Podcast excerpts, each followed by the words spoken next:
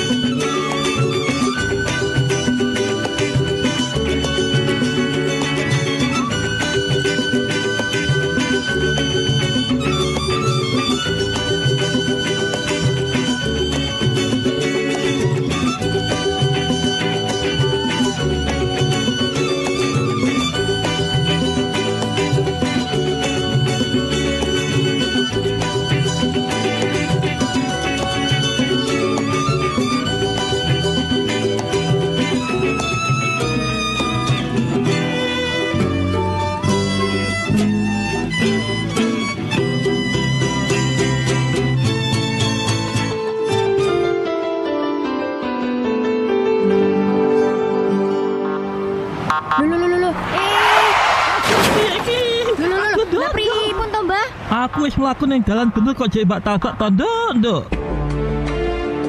Jika Anda mendengar bunyi dan lampu kuning berkedip, ini merupakan rambu lalu lintas yang bernama Pelikan Crossing. Berdasarkan peraturan Undang-Undang Lalu Lintas Nomor 22 Tahun 2009 bahwa fasilitas penyeberangan pejalan kaki seperti zebra cross, pelikan crossing, jembatan penyeberangan orang, dan terowongan penyeberangan orang berfungsi untuk pejalan kaki yang akan menyeberang. Rambu pelikan crossing ini dapat ditemui di Jalan Pahlawan dan Jalan Panglima Sudirman, Kota Madiun. Mari ciptakan toleransi sesama pengguna jalan, patuhi rambu lalu lintas agar terciptanya kenyamanan dan ketentraman dalam berkendara, serta demi terwujudnya kota Madiun yang nyaman dan damai. Iklan layanan masyarakat ini dipersembahkan oleh LPPR Radio Suara Madiun.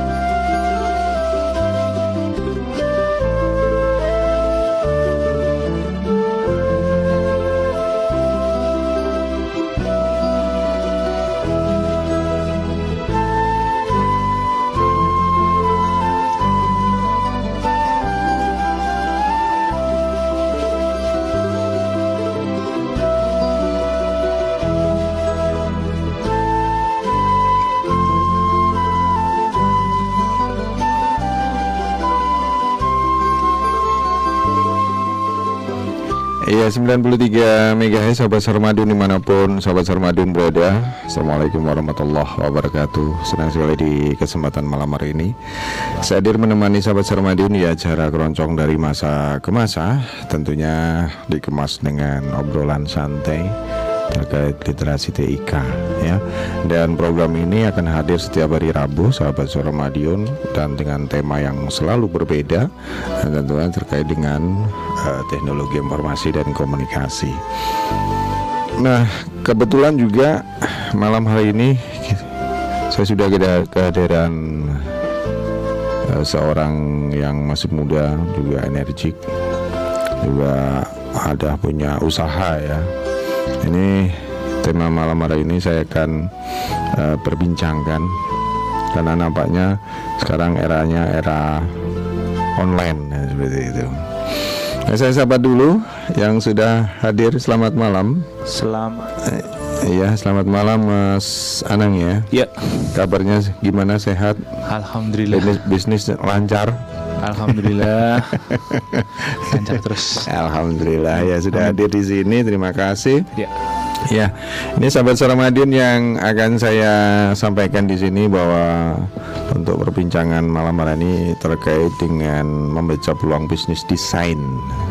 Desain desain apa itu? Nah, di Jakarta Internet. Nah, ini eh, sedikit saya sampaikan bahwasanya beliaunya ini juga seorang apa namanya eh, owner studio, Nah, kemudian juga ketua KPLI terus kepala bidang SDM Tertik eh, Madiun. Nah, ini langsung saja ya untuk kesempatan malam hari ini kita coba bincang-bincang. Ini yang jelas Mas Anang untuk tema malam hari ini kan terkait dengan eh, masalah bisnis oh, desain yang melalui online. Nah ini kira-kira apa sih yang melatar belakangi ketika eh, seseorang eh, cocok di dunia tertentu masuk di eh, online di atau di internet lah seperti itu. Kenapa ini? Ya, oke. Selamat malam untuk pendengar suara Madiun. Eh, latar belakangnya bisa macam-macam sebenarnya. Iya, Ada yang iya, memang betul.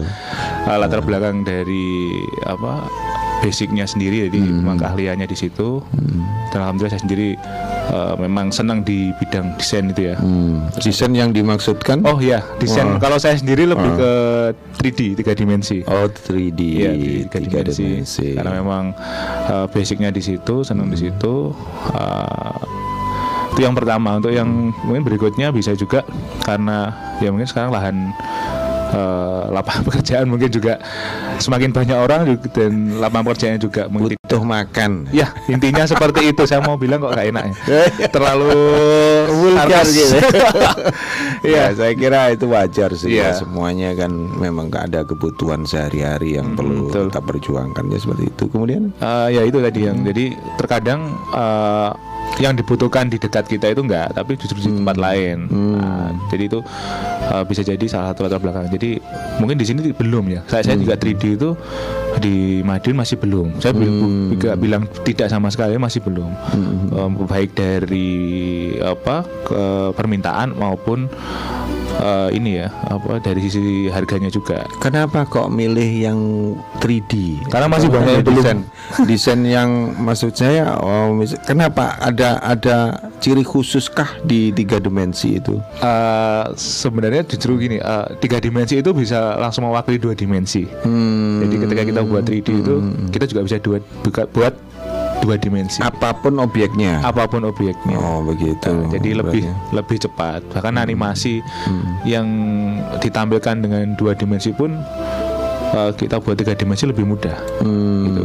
Nah Apa- selama ini yang yang sudah ditekuni dalam artian objek tertentu kah atau apa semacam apa? Ya kalau dari basic saya di bidang arsitek ya bangunan jelas. Oh bangunan. bangunan terus untuk eh, dalam beberapa bulan terakhir ini lagi senang modeling ya modeling karakter animasi seperti itu karena kebetulan juga eh, kebutuhan dari apa pengajaran juga Nah, dari basicnya tiga dimensi akhirnya ke situ Oh iya. Terus apa dari sisi bangunan itu ada nggak dari konstruksi tertentu dari sisi bangunan itu mengalami kesulitan atau harus harus ada apa eh, apa pelajaran khusus?